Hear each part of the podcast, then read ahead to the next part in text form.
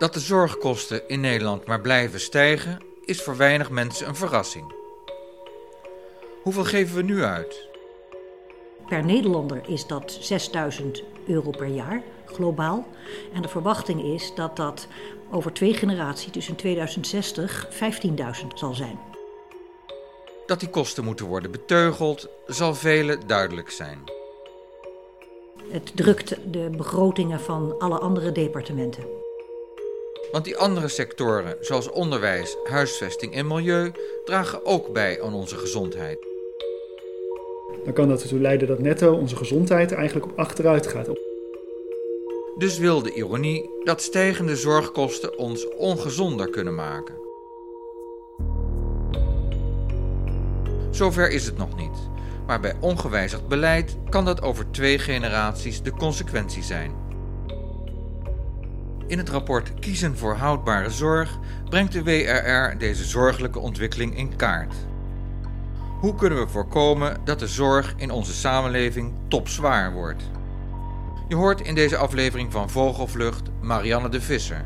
Ik ben sedert 2013 lid van de Wetenschappelijke Raad voor het Regeringsbeleid.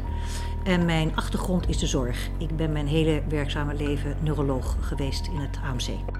En je luistert naar Gijsbert Werner. Ik ben eh, senior wetenschappelijk medewerker bij de WR en ik ben projectcoördinator van het project Houdbare Zorg. En de conclusie van het rapport krijg je nu al. Ik hoop dat wij ontzettend duidelijk hebben gemaakt dat de politiek echt nu niet meer kan wegkijken. Dat het op deze manier echt niet kan doorgaan.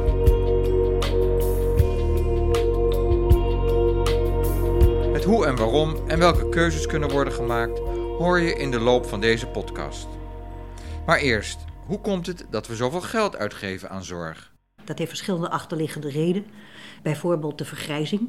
Uh, als mensen ouder worden, dan vragen ze meer zorg, hebben ze ook meer verschillende ziektes. De tweede reden is welvaartsstijging. Als je een welvarend land bent, dan stel je ook veel meer eisen aan uh, wat er mogelijk is voor je gezondheid. En een derde reden is de medische technologie. Er is steeds meer mogelijk om bepaalde kwalen te behandelen. En uh, dat drijft de zorgkosten ook op. Want anders dan je misschien zou denken, is die nieuwe medische technologie niet per se kostenbesparend. Integendeel zelfs. Een voorbeeld is een operatierobot, dat heet de Da Vinci-robot. En die uh, zijn op het ogenblik door heel veel ziekenhuizen, chirurgen uh, aangeschaft. Maar als je naar het wetenschappelijk onderzoek kijkt, dan is dat nog helemaal nog niet zo zonneklaar dat dat ook op zorgkosten bespaart. Nieuwe technologie heeft natuurlijk voordelen. Verruiming van mogelijkheden met dingen die kunnen, die, die we daarvoor niet konden. En dat is natuurlijk fijn en, en goed, zeker voor die patiënten. Maar het betekent wel dat de kosten oplopen. Hoe hoog zijn die kosten nu in totaal? Nu is het uh, ruim 100 miljard. Dat is 13% van de economie. Bij ongewijzigd beleid kan het oplopen tot 20 of wel 25 procent. Het belangrijkste is, is om het ook te vergelijken met de groei van, van de economie. Het gaat er met name om dat die groei van die zorguitgaven structureel hoger is dan die groei van de economie. Dat gaat ten koste van de begroting van andere departementen. Terwijl we weten dat ook uh, die andere departementen indirect belangrijke bijdragen kunnen leveren aan gezondheid. Kijk maar eens bijvoorbeeld naar onderwijs. Mensen die laag opgeleid zijn, hebben grotere gezondheidsproblemen dan mensen die hoger opgeleid uh, zijn.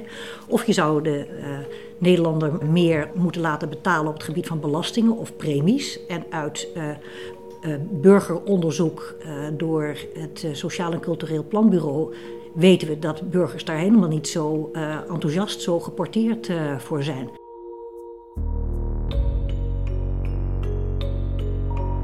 Als dat verdringingseffect optreedt, dan kan dat ertoe leiden dat netto onze gezondheid eigenlijk op achteruit gaat. Dat is een heel ironische uitkomst, maar dat, dat, kan, dat kan gebeuren. En het moment waar wanneer we daar precies aankomen is heel moeilijk te voorspellen, maar dat is een, een zeer mogelijke en waarschijnlijke uitkomst.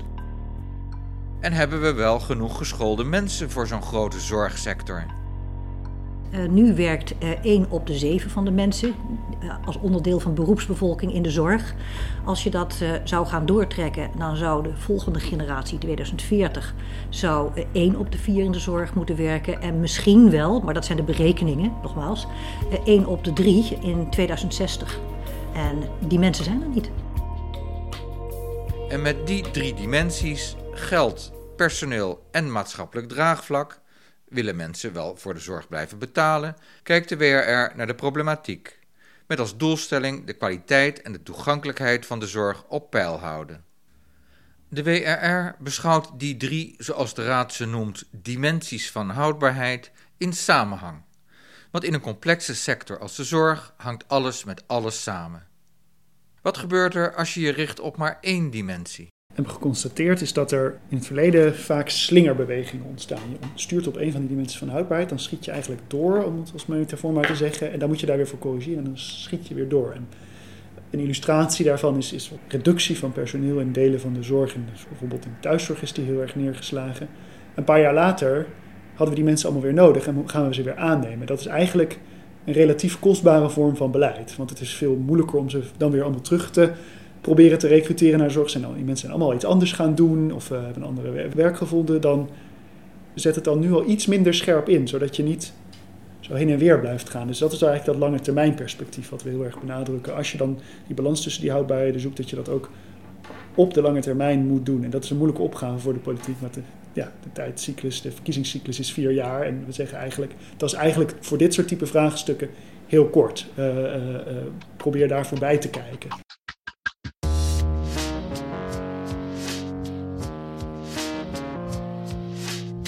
Maar het is niet alleen de ouderenzorg waar momenteel naar de mening van de WRR door decentralisatie en bezuinigingen de kwaliteit onder de maat is gezakt.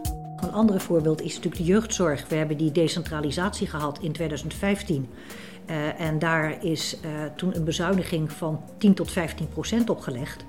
En als je nu ziet dat de staatssecretaris weer 1,3 miljard erbij moet doen om eh, de kwaliteit van die uh, jeugdzorg weer wat op peil uh, te trekken, is dat een ongelooflijk goed voorbeeld van die slingerbeweging.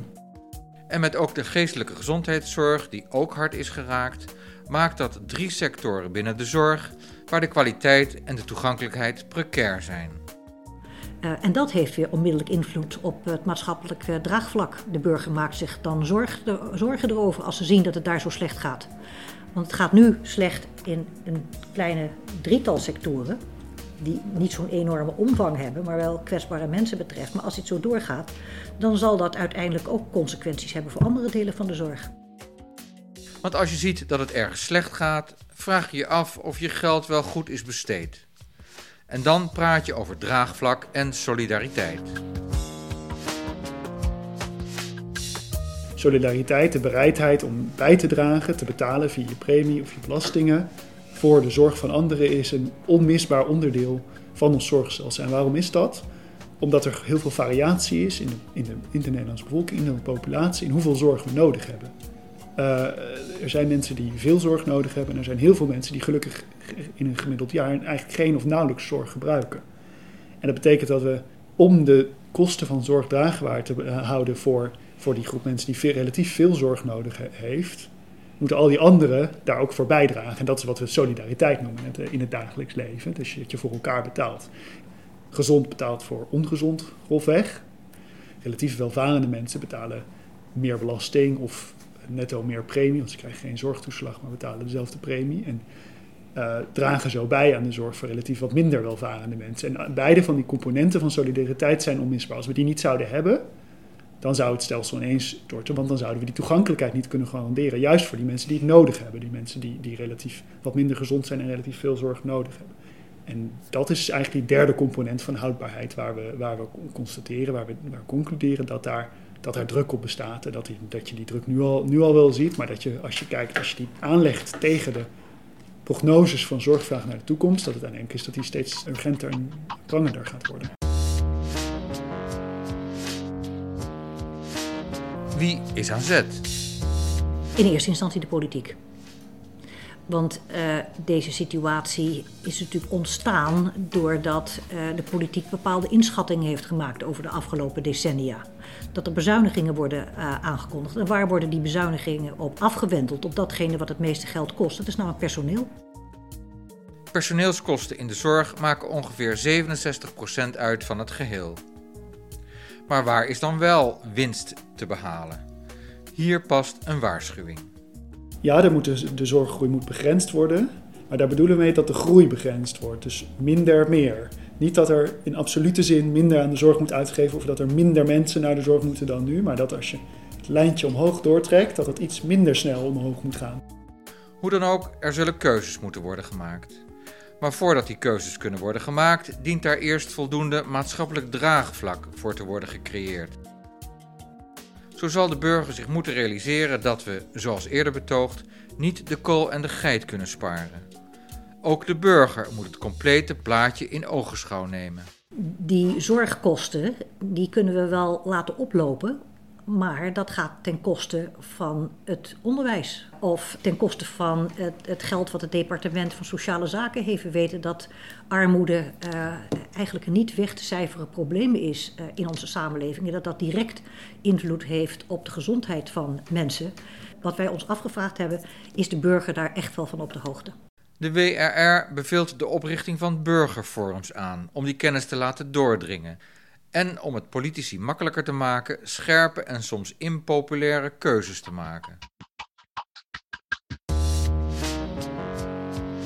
Uit het buitenland, maar ook uit het binnenland komen daar goede voorbeelden van. Waarbij er hele precaire, hele hachelijke onderwerpen ter sprake werden uh, gebracht. Zoals bijvoorbeeld het abortusprobleem in Ierland, waar burgerfora bij elkaar komen en dan verstandige dingen kunnen zeggen, waar dan in tweede instantie de politiek wat mee moet doen. Want dat zijn ook eisen die we stellen aan die burgerfora.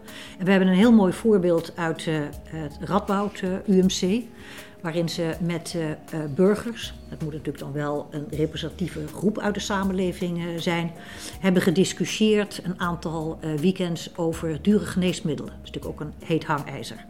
En toen bleek dat als die mensen goed waren ingelicht, goed waren voorbereid, dat ze in staat waren om over hun schaduw heen te springen en beslissingen te nemen, dat was natuurlijk allemaal hypothetisch, over welke dure geneesmiddelen wel of niet uh, zouden moeten worden vergoed binnen onze samenleving. Dat is een mooi voorbeeld. Mensen zijn daar als je, als je ze de situatie uitlegt en, en, achtergrondinformatie geeft over, over het vraagstuk waar we voor staan en de staat van de zorg, blijken daar veel beter toe in staat te zijn dan, dan je misschien in eerste instantie zou denken. Een soort van als het beeld is van ja, mensen willen alleen maar altijd zoveel mogelijk zorgen. Dat, dat is helemaal niet zo. Mensen begrijpen heel goed dat er keuzes gemaakt moeten worden en dat niet alles kan wat kan. Wij denken inderdaad, politie kan helpen om inderdaad minder kopschuw te zijn, om ook dat soort keuzes te durven maken. Omdat ze weten dat die gedragen worden door in ieder geval een representatieve subset van de samenleving uh, die in zo'n burgerforum actief is geweest. Het zal ook helpen de burger te laten weten dat we het in Nederland relatief gezien niet zo slecht hebben. Marianne de Visser geeft enkele voorbeelden. Ook in internationaal opzicht wordt onze ziekenhuiszorg eigenlijk heel goed gewaardeerd. En onze huisartsen, is, is, de poortwachters, zijn uh, uniek. Als je bekijkt dat maar 6% van de problemen die zij tegenkomen moet worden doorverwezen naar uh, ziekenhuizen, dan kun je zeggen dat die huisartsen enorm efficiënt werken. Dus over dat deel van de uh, zorg hoeven we ons niet zo zorgen te maken. En dan de keuzes. Om te beginnen zouden we meer grip moeten krijgen op de collectieve uitgaven aan de zorg. Die stijgen namelijk, anders dan bij andere departementen, als een automatisme, op basis van ontwikkelingen in de bevolkingssamenstelling en de technologie. We gebruiken daar het woord automatisme um, om eigenlijk te verwijzen naar de methodologie, de systematiek die wordt gehanteerd bij het proces van uh, ramen en begroten van de zorguitgaven. Wat je eigenlijk doet is processen uit het verleden doortrekken. Uh, je hebt demografie, hoe, hoe, hoe, ontwikkelt de samenstelling van de bevolking uh, zich, hoeveel ouderen zijn, hoeveel jongeren, et cetera. Nou, dat kan je redelijk goed voorspellen, dat gaat in dat soort modellen. Maar ook bijvoorbeeld historisch gezien is er die technologische verbetering geweest. Hè. We hebben nieuwe technologie ontwikkeld en die wordt heel relatief makkelijk in het pakket opgenomen. dat is een van de drijvende kracht achter de stijgende zorguitgaven. Marianne sprak daar al over. De reden waarom dat zo is, is complex. Het is een, combinatie van, van redenen en historische ontwikkelingen en, en ook de aard van het zorglandschap, waar, waar natuurlijk ook uh, de Nederlandse overheid heel weinig rechtstreeks over de zorg heeft. De veldpartijen, de zorgverzekeraars kopen die zorg in. De zorgaanbieders, ziekenhuizen en andere instellingen die voeren die zorg uit. De patiënten die kiezen zorgverzekeraars en, uh, en hun dokters of andere behandelaars. En de overheid houdt zich daar eigenlijk heel erg op een afstand. Maar betaalt wel de rekening. Waar wordt er wel gestuurd? We kijken nu heel kritisch naar een, een klein deel van het verzekerde pakket. Eigenlijk alleen naar de geneesmiddelen die wegen we heel, heel, heel zorgvuldig op effectiviteit, werkt het, en kosteneffectiviteit. En voor hele grote delen van dat pakket hebben we helemaal niet zo'n beoordeling van effectiviteit en kosteneffectiviteit. Van wegen die kosten en baten tegen elkaar op. En dat noemen we ook wel het open pakket. En daar stroomt het eigenlijk automatisch zo heen. En we zeggen niet dat je alles moet gaan toetsen, want er worden zoveel dingen bedacht in de zorg en uitgevonden constant dat je altijd, dat je nooit een volledige dam, om het zo maar even kan zeggen, kan opwerpen. Maar we zeggen wel, naar de toekomst toe is dat niet houdbaar om alleen maar naar zo'n klein deel van het pakket zo zorgvuldig te blijven kijken en, en, en de rest van de deur eigenlijk open te laten staan. Toch heeft de overheid niet stilgezeten. Tot nu toe heeft eh, de overheid heel vaak gegrepen naar het middel van doelmatigheid. Al over decennia heen om die uh, aan kostenbeheersing uh, te doen. En, en, wij zeggen ook op basis van ons wetenschappelijk onderzoek uh, dat dat volstaat niet. Dat is niet voldoende. Je moet er wel mee doorgaan. We praten dan over het laten vallen van niet gepaste zorg. Bijvoorbeeld kijkoperaties bij mensen die ouder dan 50 zijn en pijn in de knie hebben.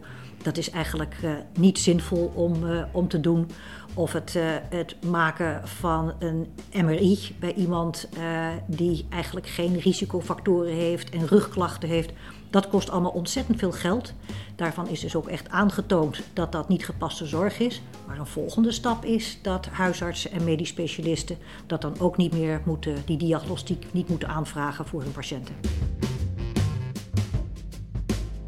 Van 5 tot 10 procent van dergelijke automatismen is aangetoond dat het niet passende zorg betreft.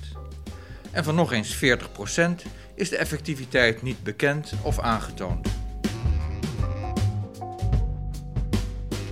Daar ligt een belangrijke rol voor de huisarts. Als een patiënt binnenkomt en zegt: Ik heb rugpijn, dokter, zou u een MRI van me willen maken? Dat je dan ook gaat zitten en uitlegt van waarom wil je die MRI uh, hebben. Waarin stelt dat gerust? En dat je als dokter ook uitlegt wat de reden is om het niet te maken. En of er ook andere mogelijkheden zijn om die rugpijn uh, te behandelen. Dus daar komt dat samen beslissen, dat partnerschap tussen patiënt en dokter uh, naar voren. En dat wordt in Nederland op het ogenblik ook mooi vormgegeven, maar dat kan ook nog wel een beetje beter. Een andere belangrijke aanbeveling is het meer op de voorgrond zetten van preventie. In 2018 hebben wij als WRR een advies uitgebracht over sociaal-economische gezondheidsverschillen. Ik noemde het al eerder, mensen die laag opgeleid zijn, hebben grotere problemen met de gezondheid uh, dan mensen die hoger opgeleid zijn. Uh, en dat uh, spitst zich bijvoorbeeld toe op roken, op te veel alcohol drinken, op te veel eten en weinig bewegen. Dat zorgt voor 20% van de zorgkosten. en daarvan hebben wij gezegd: het is heel belangrijk om preventieve maatregelen te nemen, gericht op deze determinanten. En daarbij vooral je te richten op de mensen die lager opgeleid uh, zijn, omdat de kans dat je die mensen een, uh, een, verbetering van hun levensverwachting kunt geven het grootst is. En dan vooral de jongere mensen. Denk daarbij, behalve aan het stimuleren van een gezondere leefstijl, ook aan het ontmoedigen van risicovol gedrag. Dat kan bijvoorbeeld door de verleidingen van tabak, alcohol, suiker en vet tegen te gaan. Op school, op verkoopplaatsen en elders in de publieke ruimte. Er gaat op dit moment in totaal maar 2 miljard van de 100 miljard naar preventie toe. En daar zitten ook dingen bij als vaccinatie, screening. Dus het is echt niet alleen maar leefstijlinterventies. Daar moet geld bij en daar moet ook meer aandacht voor zijn uh, in de uh, gemeente.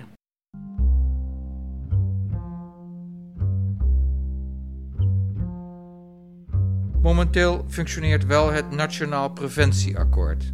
Dat is een ontzettend mooie eerste stap. En er zijn met iets van 78 eh, partijen afspraken gemaakt. Maar het is niet verplichtend. Het is erg vrijblijvend.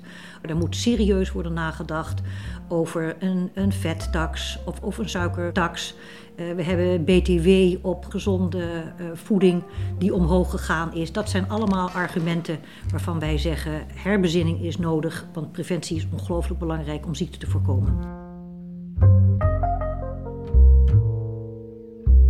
Er komen dan wel meer mensen die ouder worden en meer zorgbehoeften krijgen, maar die mensen werken dan ook langer aan het opbouwen van de welvaart. En het mooie is dat die preventieve maatregelen relatief weinig kosten als je die baten afzet tegen hoeveel het puur in financiële termen kost. Dus de kosteneffectiviteit noemen we dat. Van veel preventieve maatregelen, niet van alle, maar van grosso modo, is heel gunstig vergeleken met de kosteneffectiviteit van zorg. Om het maar even ook heel, een heel brede categorie te maken. Dat is, daar zit heel veel nuance onder, onder verstopt onder dit statement. Maar grosso modo is, is, is preventie een heel kosteneffectieve manier om meer gezondheid te creëren. Een probleem van preventie is echter dat de effecten niet goed zichtbaar zijn. In tegenstelling tot die van het verlenen van directe zorg.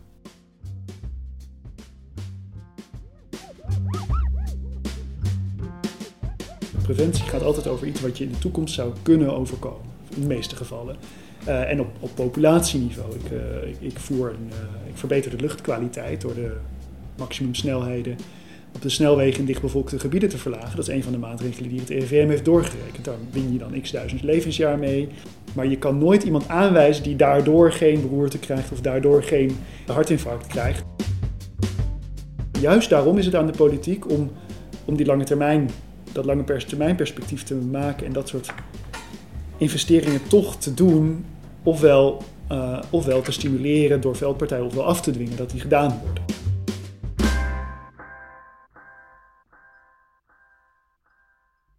Marianne de Visser, Gijsbert Werner en hun collega's bij de WRR formuleren in totaal 12 aanbevelingen. Die aanbevelingen, waarvan je er enkele hebt gehoord, hebben betrekking op het creëren van maatschappelijk draagvlak, op het maken van keuzes en op het versterken van het uitvoerend vermogen van de overheid. Kan de politiek kiezen met welke van de twaalf punten ze aan de slag gaat? Wat ons betreft zijn al die uh, twaalf uh, aanbevelingen van ons aanbevelingen die in een totaalpakket moeten worden meegenomen. En het is ook heel belangrijk om te nadrukken dat ze elkaar versterken. Het is niet de bedoeling dat we even dat burgerforum gaan opzetten, daar een paar jaar gaan wachten op de resultaten. En dat we dan, dan die keuzes eens gaan maken als, als politiek. Die, die dingen moeten parallel met elkaar gebeuren en ze versterken elkaar. Doordat bijvoorbeeld als we kijken naar die aanbeveling over de, meer grip creëren op de, op de uitgaven, op de zorguitgaven. Die heeft ook die aanbevelingen nodig uh, over die uitvoerende maatregelen om het pakketbeheer verstandiger in te richten. Want dat is de manier waarop je dat doet. En dat op zijn beurt heeft weer draagvlak van de samenleving nodig. Dus die dingen grijpen allemaal op elkaar in. En die moet je ook samen en, en parallel aan elkaar doen om het uh, gewenste effect te hebben. Dit was de aflevering van Vogelvlucht over het adviesrapport Kiezen voor houdbare zorg. Voor het complete rapport en de samenvatting klik naar wrr.nl. Abonneer je op WRR Vogelvlucht om geen enkele podcast van de WRR te missen.